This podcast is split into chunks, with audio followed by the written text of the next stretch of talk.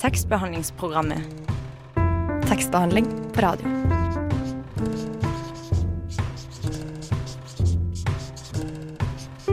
Tekstbehandlingsprogrammet.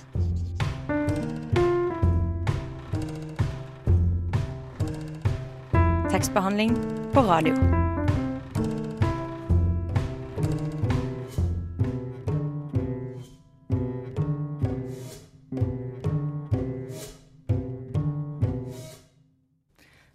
Og velkommen til ukas tekstbehandlingsprogram. Med meg i studio i dag har jeg Ylva. Hei, hei. God morgen. Og vi får besøk av forfatter Inger Bråtveit, som er aktuell med boka 'Alice A4'. Bråtveits roman går i dialog med den klassiske barneboka 'Alice in Wonderland' av den engelske forfatteren Louis Carroll. 'Alice in Wonderland' ble skrevet i 1865 og fyller dermed 150 år i år. Selv etter så lang tid er den viktorianske barneboka fremdeles tilstedeværende i populærkultur, i alt fra kunst, litteratur, musikk og film. Hva er det som gjør at historien om den unge jenta som faller ned et hull og ender opp i Eventyrland, fremdeles fascinerer oss i dag? Dette skal vi snakke mer om med Bråtveit, men aller først skal vi høre en låt. Vi skal få høre Foxtrot med Shaky Hands. Der hørte du Foxtrot med Shaky Hands. Vi har nå fått Inger Bråtveit inn i studio, som er aktuell med romanen Alice A4. Velkommen. Tusen takk for det. Aller først så må vi jo spørre om hva handler boka di om? Oh, det er et vanskelig spørsmål, men uh, den handler jo om Alice, uh, som uh, bor med mor si og søster si i drabantbyen. En dag så kommer det et tivoli til byen. Det er veldig forlokkende. Og de får penger av mor si til å gå dit. Og der møter Alice en mann. Det vil si, hun går inn sammen med søstera si i et uh, Det er ei spåkone som sitter i en slags campingvognsak, og der får hun lagnaden sin skjenkt. Mm. Um, uh, men siden du har brukt liksom Alice in Wonderland som en sånn base, på en måte, eller du bruker det i hvert fall, uh, hva, hva slags forhold har du til Alice in Wonderland? Et veldig uforklarlig forhold, for jeg syns Alice i Wonderland er en bok som unndrar seg en sånn logisk forklaring. Det er jo sagt at det er barnebok, men det er jeg ikke så sikker på. Eh, det er iallfall ikke umiddelbart tilgjengelig for barn. Og jeg tror det der hvite feltet som jeg opplevde som barn, altså det jeg ikke forsto, de har på en måte blitt mørkere med åra. Og i det grumsete kjølvannet der, så har Alice for meg blitt mer en mytisk figur. Uh, som jeg har drevet med meg som et eller annet jeg har blitt brennmerka av og ikke blitt kvitt. Uh, så jeg har ikke valgt meg Alice, uh, men jeg har ikke blitt kvitt Alice heller. om du forstår. Ja, på, ja, på en måte. Um, og så um, Ja, hvorfor ville du på en måte bruke denne, denne barneboken fra, fra 1800-tallet? Ja. Sånn, ja. Det er jo på en måte det, det første, liksom tydeligste litterære forelegget som, som, som uh, danner grunnlag for boka mi. Men det er jo òg veldig mange andre element fra en type litteratur i denne boka.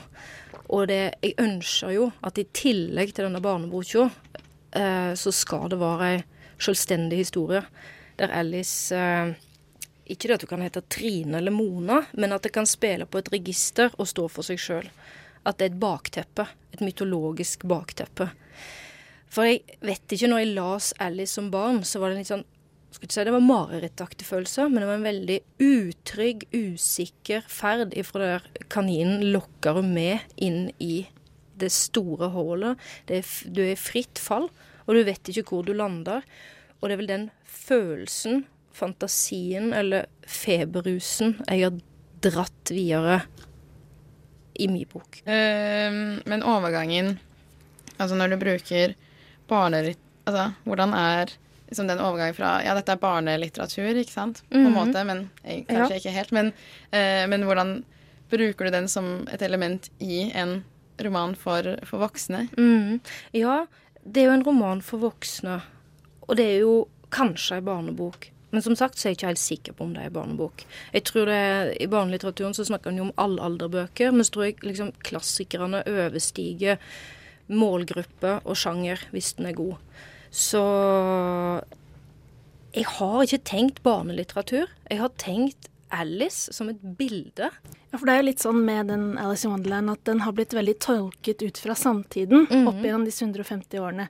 Den har blitt tolket psykoanalytisk på 30-tallet, og så har den blitt tolket som et hyllest til narkotika på 60- og 70-tallet, og så har den blitt sett i lys av pedof pedofili på Ja. 90-tallet. Mm. Men hvordan fortolker du teksten?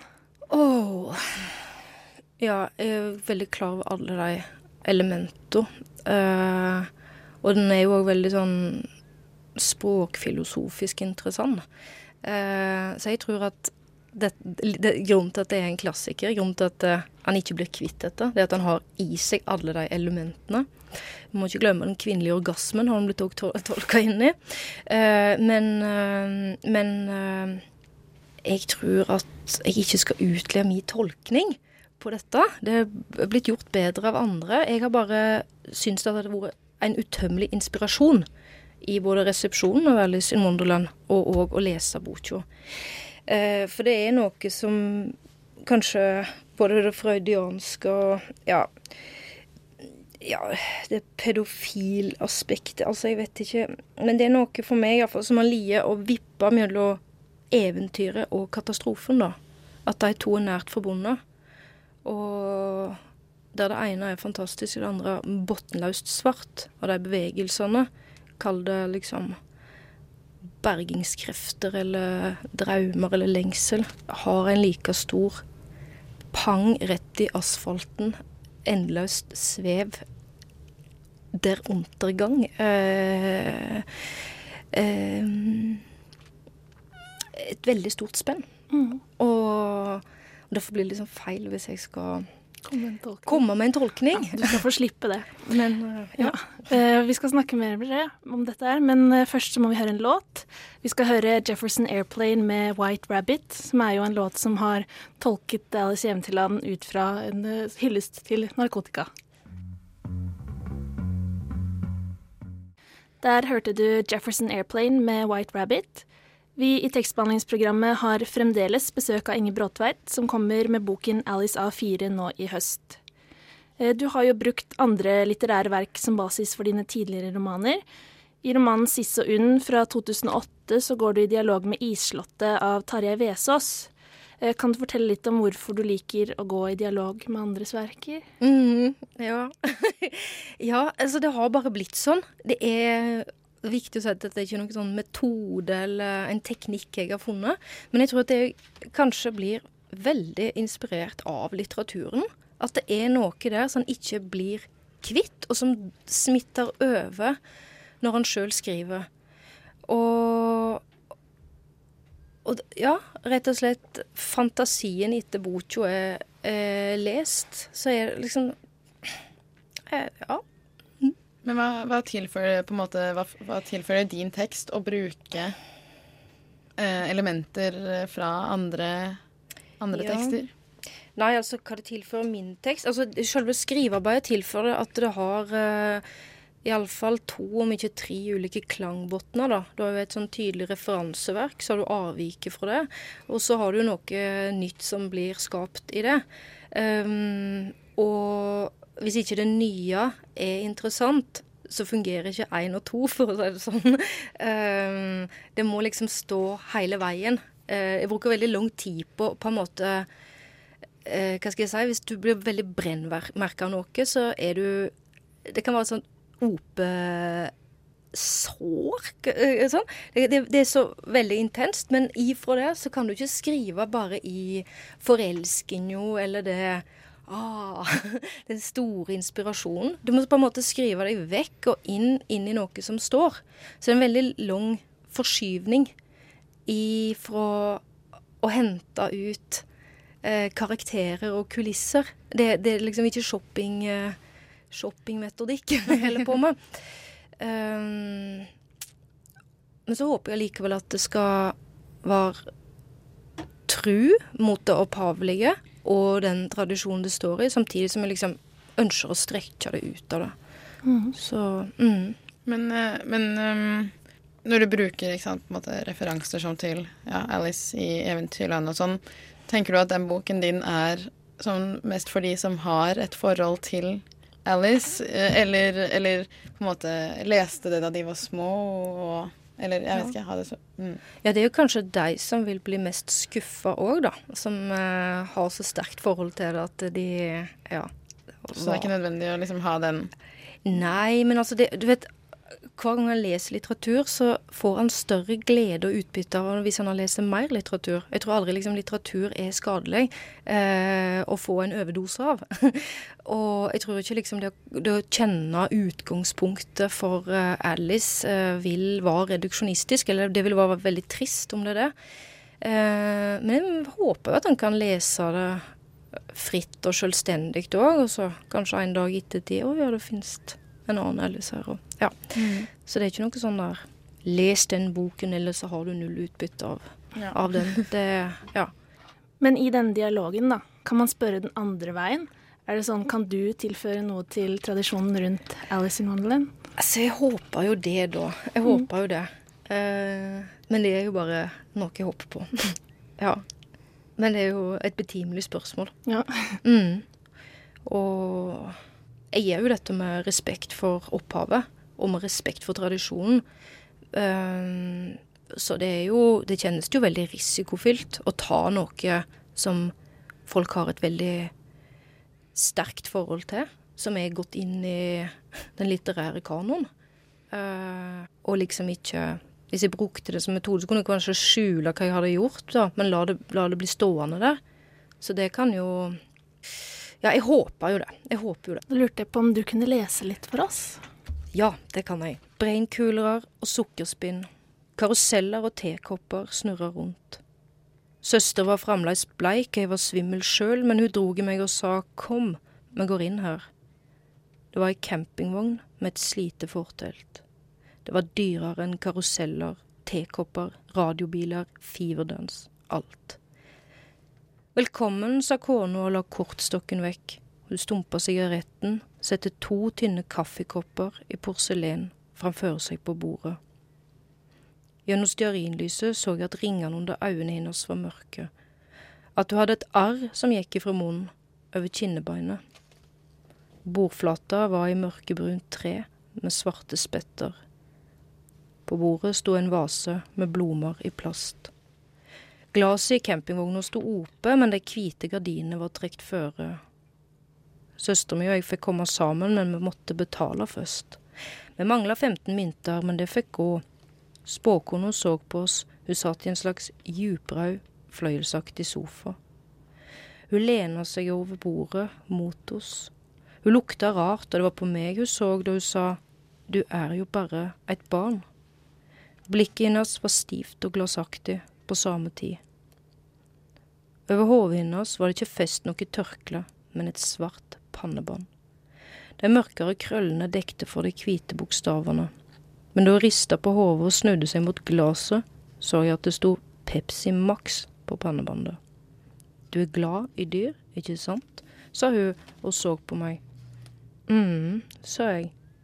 Gardinene hadde flekker. Mellom fallene så det ut som noen hadde tørka av seg på hendene. Har du noen dyr? spurte spåkona. Ikke nå, sa jeg, og spåkona sa hun så noe lite og hvitt. Er det ei mus, hun liksom seg sjøl, for hun sa nei, nei, det er større, men spakt, noe søtt som i en ball eller et nøste. Noe som alle barn liker. Og nå ser jeg det, sa spåkona, det er ei kanin, ei kanin, spurte jeg, og spåkona sa ja, du skal få ei kanin, og du kjem til å verte glad. Og så er det asfalten og greinene, de er det verre med. Der hørte vi Banafee med With Her. Og før låten så hørte vi Inger Bråtveit lese fra Alice A4. Og du hører fremdeles på tekstbehandlingsprogrammet. Uh, Inger, du gir jo en veldig fin skildring av det å være ung på terskelen til voksenlivet. Kan du fortelle litt om dette?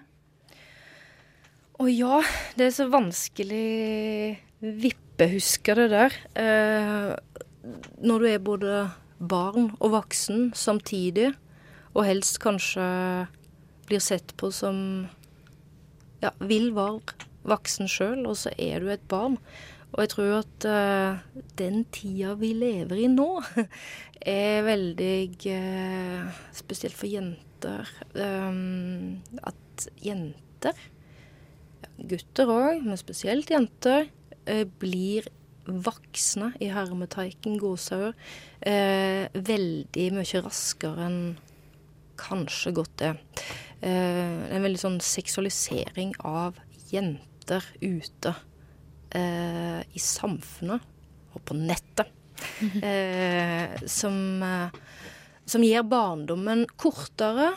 Eh, og det såkalte voksenlivet, for det er ikke egentlig det som har begynt, farligere og med mer ubeskytta i det. Ja. Um, men jeg har bare vært barn én gang, så jeg har ikke noen, noe mye å si om den perioden. Men jeg ønsker jo at den tida der i min bok skal liksom vise seg gjennom flere tider.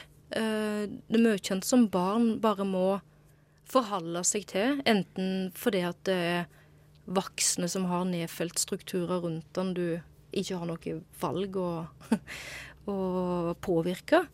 Men når du har gått skolen ut, eller tatt det du trodde var dine egne valg, så ser du kanskje i et slags retrospektiv som er det som blir den ene historien. Mm.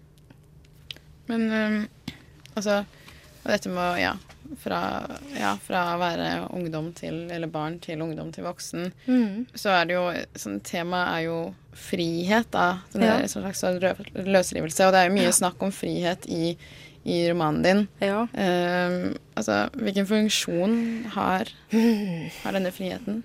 Ja, den har jo iallfall, om ikke ulike funksjoner, så ulike positurer, da. Uh, der uh, Alice sjøl tror at uh, det å frigjøre seg familien eh, via en mann med en bil er en stor frihet. Og at eh, det hun tror og innstendig klamrer seg til som den første store kjærligheten, er fridom. Men eh, den er kanskje ikke det. kanskje har ikke Alice funnet seg sjøl som voksen, eller har en liksom fastlagt identitet, eller funnet seg sjøl, som det heter, før hun gjør alle disse tingene. Og det er igjen litt tilbake til den der vippepunktet mellom eventyr og katastrofen, da, som kan få konsekvenser. Altså frihet er ikke bare oppbrudd, det er kontinuitet òg. Mm. Men kan, eh, kan Alice eh, i boken din eh, få med seg uh, Wonderland, da, eventyrlandet, inn inn i voksenlivet sitt? Hun insisterer på det, og den insisterer og er veldig kraftig. Uh, dette er på en måte Det er både en kjærlighetshistorie, men òg for enkelte vil kanskje si det er overgrepshistorie.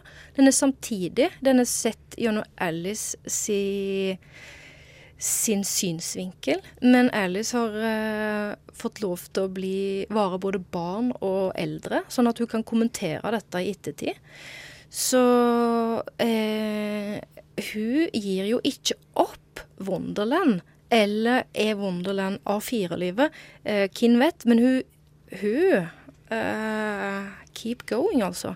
Så, så, det skal hun ha. Hun er aldri noe offer fra min side, uansett hva som måtte falle over hennes hode, eller hun blir konfrontert med in her face. Så det, det Uh, hun er en kraftfull karakter. Mm. Men det høres ut som Alice nesten Altså, hun lever et eget liv, eller har levd et eget liv sånn mm. utenfor din makt også? Ja, jo, det, det Ja, jeg, jeg tror ja. du kan ha rett i det. Mm. Um, jeg tenker også mye på identitet, både når jeg leser din bok og original Alice. For mm. hun skifter jo form hele tiden gjennom boka, ikke sant? Ja. og sier til slutt at hun vet ikke hvem hun er. Nei.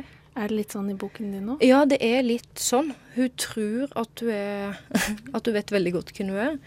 Og så er det jo disse rykk og livet kan gjøre, og de eh, store hullene vi kan falle i, der vi mister oss sjøl. Og kanskje etter en stund finner oss sjøl igjen.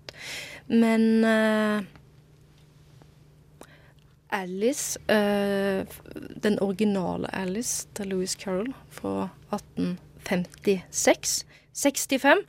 Eh, ja, eh, hun blir jo både bitte liten, kjempestor, hun må krype gjennom nøkkelhull, hun sitter i et ugrinen dam som blir ei elv, osv. Og, så og jeg mener jo at OK, dette Sånn er jo livet òg. Uh, helt konkret. Dette er jo metaforer, men uh, sånn er jo livet. Uh, ups and downs og høyt og lågt i en karusell. Det er, det er identiteten, spesielt i den alderen, mellom barn og voksen, hele veien blir omforma, deforma, før han liksom blir støypt. Altså, hun er i bevegelse, og, og det tror jeg er viktig. Mm. Da er det på tide med en låt igjen. Eh, vi skal få høre enda en låt som er inspirert av Alice Jenteland. Eh, The Cure med Caterpillar. Jeg minnes det et hjul. Det snurrer rundt byen, blotjo, og betongen løfter seg. De sa at hjulet var fra Paris, det gikk høyere enn heisekranene og fabrikkpipene. De prøver å stjele av sparepengene fra oss, sa mor og gav oss to store settler hver. Vi gikk på tivoliet, fauk over byen i strukturert glideflukt. Håret var løst, det blengte i gult og grønt. Herifra så jeg elva inn i skogen renne svart. Det lå et vann lenger oppe, eller var det en sjø? Jeg så bilen med sjåføren svinge ut av parkeringsplassen. Jeg fikk en glimt av passasjeren for de blengte seg ut, med kurs mot autobahn. Det var en brei vei, med fire felt og hvite streker. På plassen mellom kjøpesenteret og det improviserte parkanlegget sto buer, telt og campingvogner. Tivoliapparatet hadde all slags navn. Discofever, Rollover, Breakdancer, Octopussy, Monster 3. Søster mi og jeg satt fastspente i en blenkende blekksprutarm. Et gigantisk, annerledsløst hoved med paljetter roterte rundt armene på blekkspruten og lyste i neonfarger med hver sin blå, sømjende delfin. Armene strekte seg ut i neonblått, rødt, grønt, rosa og gult. Søster mi talte fem-seks vogner i hver blekkspruthånd. Vi hylte, vi skreik, få meg av, slipp meg ut, jeg må spy, ropa søsteren mi, men det var for seint. Blekkspruten hadde oss i sin dansende makt. Alt gikk rundt. Søster tok hånda mi og klemte til. Neglene borer seg inn i håndbaken min. Det er ikke farlig, sa jeg. Rundt oss bak rekkverket utenfor apparatet sto barn og voksne. Jo, det er farlig, sa hun. Armene gikk over hverandre. Grønne, rosa og gule båger i neon faller seg ut. Jeg var ikke redd. Jeg kjente meg nærmere søster mi enn noen gang. Vi ble snudd opp ned, og jeg så at blekksprutarmene likna på greinene som vokste under huset vårt, gjennom betongen, som en gang kom til å slå veggen mellom rommene våre opp. Der hørte vi Tom Waits med Alice, og før det så hørte du Inger Bråtveit lese fra sin nye roman Alice A4. Eh, Inger, boken din er jo ikke en lang, sammenhengende tekst, men det er heller små tekster på hver side som varierer i lengde fra en setning til lengre avsnitt. Hvorfor har du gjort det slik? Ja, um, i etterpåklokskapens lys så kan han jo forklare veldig om hva han har gjort. Men altså, jeg, jeg tenker meg ikke verken verden eller den type skrift som jeg har eh, som skriver som linær og veldig sånn narrasjonstung, men mer en sånn kollasjaktig virkelighet. Eh, med parallelle tider og tablåer og situasjoner som glir over i andre situasjoner, kanskje tilbake igjen i tid. Og da blir det veldig sånn feil form for meg å skrive en aristotelisk fortelling fra A til Å. Men det er jo Altså, den er jo det, Jeg tenkte det blir som å lese litt sånn dikt eh, Ja. innimellom. Var det, var, det det, var det noe du ville? Ja, altså ville og ville, vet du. Det, altså, det er jo ikke noe han vil, men det du har helt rett i, var at dette her var faktisk i utgangspunktet et diktmanus. Og veldig mye av mine bøker, ikke at jeg har gitt ut så mange, men det jeg har skrevet, begynner som dikt. Og så ut ifra de um, Hva skal jeg si Tablåene får opp der. uh, de som blir igjen etter redigering av det. For jeg tror jo at jeg skal skrive et diktmanus. At det blir, uh, blir dikt, altså. Det tror jeg fullt og fast på. Det er ingen teknikk, men jeg tenker kanskje finnes det mer her. Og så begynner en sånn utgravningsprosess. Uh, og en helt sånn ny nedstigning. Og det minner egentlig om en sånn der arkeologarbeid. For at uh, det er veldig mørkt, og veldig mange blindsoner. Samtidig er det noe som står der, og det er veldig sånn opplyst uh, ting. Men det er jammen meg en interessant dans rundt i mørket før at han klarer å lyssette det hele. Så mm, ja, sånn er den forma. Men, men hvordan Ja, hvor, hvorfor blir det alltid på en måte mer enn dikt? da? Hvorfor vil du Nei, men det fantes vel noe etter liksom siste punktum i dikt. Altså det fantes en større historie, eller his- historie under eller inni der som ikke følte kom fram. Eh, eller kunne bli større eller mer mangefasettert. Så jeg vet ikke. Jeg tenker ikke sånn prosa, poesi eller sånn eh, prosalyrikk eller, eller sånn. Jeg, jeg bare skriver det jeg skriver, og så ser jeg om det kan stå. og det har jeg heldigvis ikke aleine til å bedømme, da. Så det er jo redaktøren min òg som sier at eh, fint dette, men eh, vi må ta en runde til. Og så skjer det noe med skrifta i det. For det er veldig mye tid og avstand og venting og innventing i dette. Og jeg, og jeg kan ikke heller nå si at jeg har valgt dette, eh, sånn skriver jeg. Det vet jeg ikke. Eh, det er bevegelse, liksom. Men sånn å, å arbeide med, med boken sånn språklig, da? Ja. Sånn, hvordan har det vært?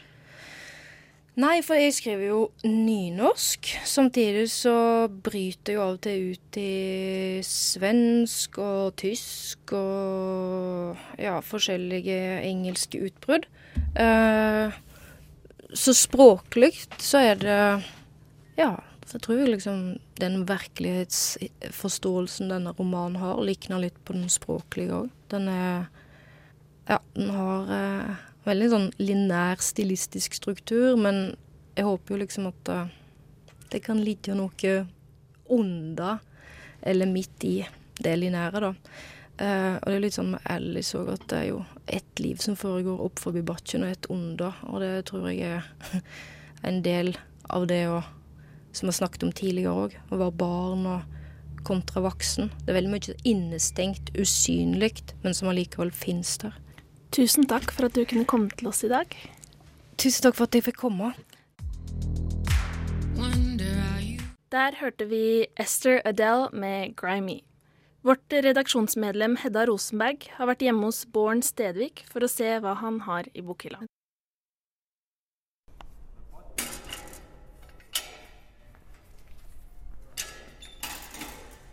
Det er en av de siste varme dagene i sommer.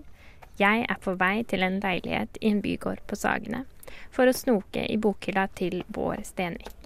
Han er mannen bak Bløff, en populærvitenskapelig bok om hvordan bløff og løgn finnes overalt i samfunnet, og hvordan det er bløffen som gjør oss til ekte mennesker. Så nå er jeg spent på om han bløffer i bokhylla si. Kanskje vi kan se litt på bøkene? De Ja, det kan gjøre. Altså, jeg, jeg jeg den hylla her. eh, Så, og da, i forbindelse med det, så rensker jeg ut litt. Så det, det er litt sånn ny, nyopprydda samling. Så du rydda opp før jeg kom, da? ja, det var, det var bare Det var ikke akkurat fordi du kom, da. Men, eh, for man samler seg opp så mye bøker, sant? Mm. Så har man bare hatt dem liggende og, eller stående i 20 år. Og så Hvis at man aldri kaster ut noe, så hoper det seg jo bare opp. Jeg har jo to unger nå, sånn, så jeg kan ikke la bøkene ta over leiligheten fullstendig. Barna må få litt plass, de De må få litt plass til sine sånne dumme, små, fargerike leker. Og Bård peker ut og viser hvor de ulike sjangrene står. Lyrikk, essaystikk, romaner, populærvitenskap. Men det er én bok som mangler der. Så populærvitenskap står der. ja, men populærvitenskapen, din er meg, da. Ja. Stort sett. Men dine egne bøker står jo ikke der. I populærvitenskap. her- her, ja. De er helt der borte i hjørnet. Ja, det, det, det, kanskje, kanskje sånn et slags utslag av beskjedenhet. Så Ja. gjemte dem oppi der. Det er jo sånn at Det er litt sånn hver gang jeg skriver eh, om et tema, så bygger det, bygger det seg jo opp en haug med sånne bøker om det emnet. Eh, men etter at jeg er ferdig med den boka, så rydder jeg Mm. bort mye av den. da Ok. Pluss her, her er en liten levning. En fakes. Det er en eh, Det er jo en antologi med pseudointervju, falske forelesninger, uh, found text og quasi-letters. Altså Ah, ja. uh, alle mulige sånn falske uh, og bløffmakerhistorier. Men det er kanskje også litt sånn der, eh, Det med å være ferdig med ting er kanskje litt symptomatisk fordi at at er bøker du har ambisjoner om å lese en gang, som står i Bokelavt. Like så mye som bøker du faktisk har lest. ja. Bård graver i lomma på olabuksa og trekker fram mobilen. Han åpner en lydbokapp og viser den fram. Jeg tenker at det er like mye representativt der. Eller mer representativt. da. Jeg hører jo bare på lydbøker, jeg som har fått to unger. Jeg har ikke har tida til å, til å lese bøker. Ok. Du har, du har kanskje ikke unger? Jeg har ikke barn, nei. Ja, da må du skynde deg å lese Ja, bøker. ja, takk for tipset. Det går, her går det faktisk ikke an å bløffe engang. Her står det 2666, og så står det at jeg har ni timer igjen. Ja. Mens det står her, svart på hvitt, at jeg har fullført min briljante venninne av Elena Ferrante. Mens jeg har ikke engang begynt på de 49 timene med The Complete Essays of Montaigne. Så her, har du jo sånn fullstendig oversikt over hva Men, eh, men her er jo dem som faktisk Ja, har lest, da. har sant? Narrow Road to the Deep North og The Bark of Laurie Moore, den er kjempeartig. Den eh, likte jeg veldig godt. Og The Flamethrowers, Rachel Kushner. Mhm. Den, den er sånn derre Jeg jeg har skrevet sånn, på en sånn huskeliste at jeg skal gå gjennom den boka og prøve å transkribere noen av metaforene hennes, bare for å se hvordan hun gjør det. det er, og det er utrolig flotte metaforer i den boka, altså. Ok. Mm. Altså, boka di 'Bløff', jeg tenker den kan på en måte trekkes over som et eksempel her, da. Fordi kan man ikke egentlig bløffe litt med en bokhylle? Jo, jo, og det, det gjør jo det gjør vel alle. At eh, Sånn at du ikke Du eh, på en måte vil ikke ha stående fram de mest vulgærlitterære, altså krimbøkene som du leser på hytta eller på tur. De kvitter du deg jo med med en gang etterpå. Du vil ikke ha dem stående fram, men hva, hva, slags skrytebøker er det jeg har her, da? Eh, her er skryteboka. Det å ha Ture Erik Lund Zalep stående Ja. fram. Sånn Oi! Og stjålet fra et bibliotek? Mm, Du, vet du hva? Det kan, det kan jeg at den står fra et bibliotek, men jeg, så vidt jeg vet på, så kjøpte den fra Ture Erik Lund. Okay. Så i så fall har jeg stolen sjøl. hmm. Hmm. Men uh, ja. Men, det, men ikke sant, det Ja. det er, det er sjelden bok, da. Ja. litt sånn, jeg tror, jeg tror i hvert fall det er litt vanskelig å få tak i. Også den første Ture Erik Lund-boka. Ja. Så det, det er sikkert litt sånn uh, forfengelighetsgreie, da. Den ville jeg ikke ha kvitta meg med. Men har du lest den? Nei, sant. Det har jeg ikke. Nei. Så det- der, derav uh, forfengelighet og bløff. Kanskje sånn som Infinite Jest der, som, som man, ser, man ser at det er veldig godt lest i også, da. Ja, det, det er jo det er, Jeg har jo faktisk lest aller meste av den, selv om jeg aldri kom meg helt gjennom. Men jeg, var, jeg, var jo, men jeg trodde jo på et tidspunkt jeg skulle studere eh, Jeg dro jo til USA for å ta en mastergrad, og da trodde jeg at jeg skulle skrive om, Infinite- om David Frost Wallace. Sånn sett så er det skammelig at jeg faktisk ikke greide å lese helt gjennom den. Jeg tror kanskje jeg har kommet til side sånn 800 og noe av eh, 1000. Men eh, den, den er jo en sånn klar skrytebok. Men jeg har lest alle denne bøkene av Det du Wallace. Ok. Det, hvis, hvis, det, hvis det betyr noe. Ja. Men samtidig så er det noen bøker som er sånn Den her, for eksempel. Den kubben her som heter 'Thinking in Jazz'. Den er sånn som Jeg hadde da jeg tok eh, mellomfag eh, musikkvitenskap, og som har vært med siden da. Og så, så er det litt sånn at av og til når jeg skriver et essay eller en artikkel eller et eller annet, hvor, det plutselig slår meg ja, men hmm, kanskje det finnes en slags musikalsk parallell. Eh, eller musikalsk psykologisk parallell, så kan jeg gå og, og bla i, litt i den boka og finne ut at ja, det kan være en sånn mulig metafor eller sammenligning. Sånn sett så er det noen det er veldig greit å ha liggende som sånne slengere fra, et, eh, fra noe du holdt på med for lenge siden. Da. Det er jo Mm. det. Jeg liker veldig godt å ha noen sånne fysiske bøker å bla i. Så det blir jo mer og mer digitalisert, og da Jeg vet ikke. Få se. For, for, da blir jo kanskje bokhylla delvis en sånn opphopning av ambisjoner. Ting du har liksom plukka med deg i bokhandelen som tenker at den vil jeg lese en dag. Og eh, delvis en sånn uttrykk for ting du aldri har greid å kvitte deg med fordi at du har sterke følelser for det. En skinnbundet bok står klemt imellom leksikona. Jeg kjenner den igjen som Cappelens forslags konversasjonsleksikon. Et kontrafaktisk leksikon som kom ut for snart et år siden. Når Bård Stenvik viser meg hans navn trykket inn i skinnet på forsiden, klarer jeg ikke å skjule at jeg blir Den imponert. der er jo f.eks. interessant i bløffsammenheng. Jeg vet ikke om, om den er din, eller Konversasjonsleksikonet? Ja. Oi! Wow! Er du med i den? Ja, ja, ja. Oh, Jeg er med ok. er det de, de lappene her der hvor du er? Ja, det, er, Ja. det er den som er lest opp eh, på, på, det, på den eh, åpningsfesten deres. Ja, ok. Utrolig artig, artig greie. Ja. Så du har skrevet om Koordinasjon og gråt, og så har jeg skrevet om to ting til som jeg ikke husker på. Ok. mm. Men det er jo Den her er jo typisk um, bløffrelatert òg. Det er et utrolig artig, artig prosjekt. da. At de har fått det er det. Den, eh, den bokhandelen og forlaget sitt. Ja.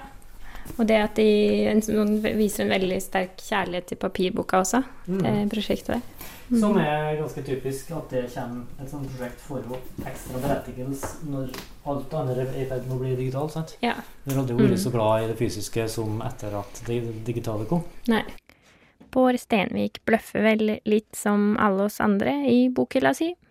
Jeg har for eksempel det samme kontrafaktiske leksikonet som han, men jeg har ikke lest hele ennå. Bård klapper sammen boka, og jeg sier takk for meg. Yes. Skal vi se. Det? Oi. Ja. Yes. Takk for nå. Ha det bra. Ha det. Dette var alt for i dag, eh, men du trenger jo ikke å vente en hel uke til neste tekstbehandlingsprogram.